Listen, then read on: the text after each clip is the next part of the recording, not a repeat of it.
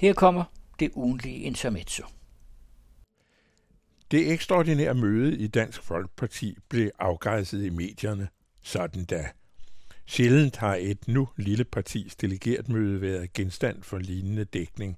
De fremmødte fik med 60 procent, hvad de fortjente, angiveligt protesterede 40 procent. Ikke lovende for en ny formand. Mere foruroligende end det førhen magtfulde partis splittende kurs mod afgrunden, forekommer partiets såvel gamle som nye leders opfattelse af de omtalte værdier i det Danmark, formanden fra i søndags hævder at rumme i sit bløde hjerte. Eller var det i hovedet? I den solitude afskedstale udtrykte den afgående formand sin fordømmende mening om rigsrettens dom over Støjberg og truede statsministeren med, at hun nok skal få sin sag for på samme vis. En from forhåbning, efterfølgende gentaget mere truende af den nye formand, hvis egen kriminalsag er en delegeret i salen betegnet som en stor uretfærdighed. Sagen har taget hele seks år. Han kan derfor ikke være skyldig. Den delegerede, og med ham flere, 60 procent måske, har fortrængt den nu er der tiltaltes vrangvilje mod at udlevere de bilag til den efterforskende enhed, der kunne have forkortet lidelserne. Man kan ikke se bort fra, at det populistiske anlagte Folkeparti oven i dets første formands konstante fravalg af kendskærninger efter for godt befindende og gevinstmuligheder, skal man huske, nu i mangel af politik føler sig inspireret af Trumps skamløshed, hyppigt markeret af den nye formands til hudløshed nationale forsikringer.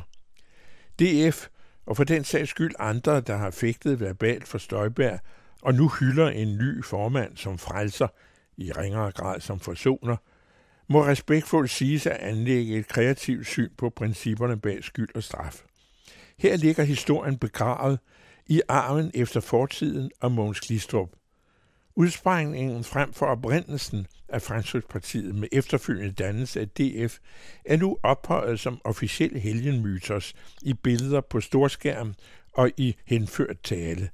Kærsgaard, Tulsendal og Skårup, den evige stridsmand for benhård straf, brød i sin tid med et ustyrligt opløst parti, hvor i disse tre og andre ivrigt havde investeret og uddelt deres største politiske øretæver. Hovedformålet var dybest set at holde partistifter Glistrup skadesløs for storsvinden i skat på egne og mod salær andres vegne. Efter Glistrups uhyreligheder efterhånden blev en hindring for ungfolkets ambitioner, vendte de som på en kagetallerken og dannede en kleinborgerlig tryghedssammenslutning af nådesløse lov- og ordenfundamentalister samt ærkefjender af alt fremmed. Den iboende dårligdom i partiet består fortsat i, at den erkendelse af udgangspunktet som brugbare idioter for en kriminel skattenægter, hvor fanden tog de sidste og socialt udsatte kunne få en skovl og grave sig selv ned med, aldrig er afklaret end sige beklaget.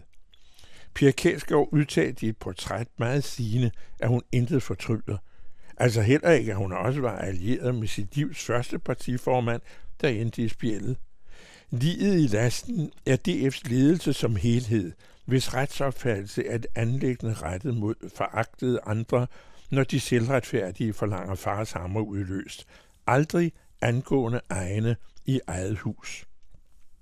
Mere rammende kan man næppe forestille sig valget af den nye formand, som en åben indrømmelse med fast lukkede øjne, at straffelov og retsbevidsthed ikke gælder partiets ledende lag, eller folk partiet udser sig som venner. Støjberg er af samme årsag selve den nationaleste uskyld i orange nakkeknold. Hendes domfældelse, skønt vurderet af det mest suveræne danske organ i genrerne lov og orden, hvor juraen og politik går op i den højeste enhed, og uanset alle dommers indstemmighed minus Jesper Langballe, udråbtes i Herning som skandaløs. Den dom havde den nye formand så lidt som egen nu suspenderende kendelse ikke forestillet sig – han har dog efter eget udsagn læst til jura, som man siger. Måske partiets afgørende problem ligger i bedraget, når retfærdigheden skal måles op, og almindelige forbrydere undgæld i forhold til dem, der snyder i en højere sags tjeneste, eksempelvis partiets. I et autoritært styre som DF har man normalt ikke sagt toppen imod eller draget ledelsens motiver i tvivl. Dette hidtil udeblevende opgør om fortiden og DF's grundlag som partimoren og partistifterne deler, betyder, at partiet hviler på den forudsætning, at ingen tager til genmæle, når udsagnet i Danmarks tjeneste kommer fra oven. Den tidligere ledelse fremstillede sig som en familie i retouche, hvis harmoniske budskab, uden at gå nogen nærmere end nødvendigt, var løgnehistorie.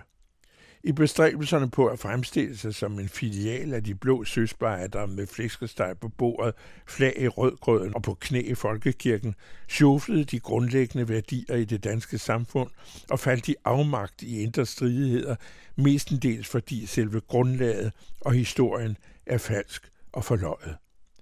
Mens skibet med en ny formand har kurs mod klipperne, hoverede Tulsendal over på Nyårs berømte ord. Men det blev de jo aldrig. Men det er der så mange andre, der heller ikke er. I hørte Geomets, og hans intermezzo kan også læses i Information om fredagen.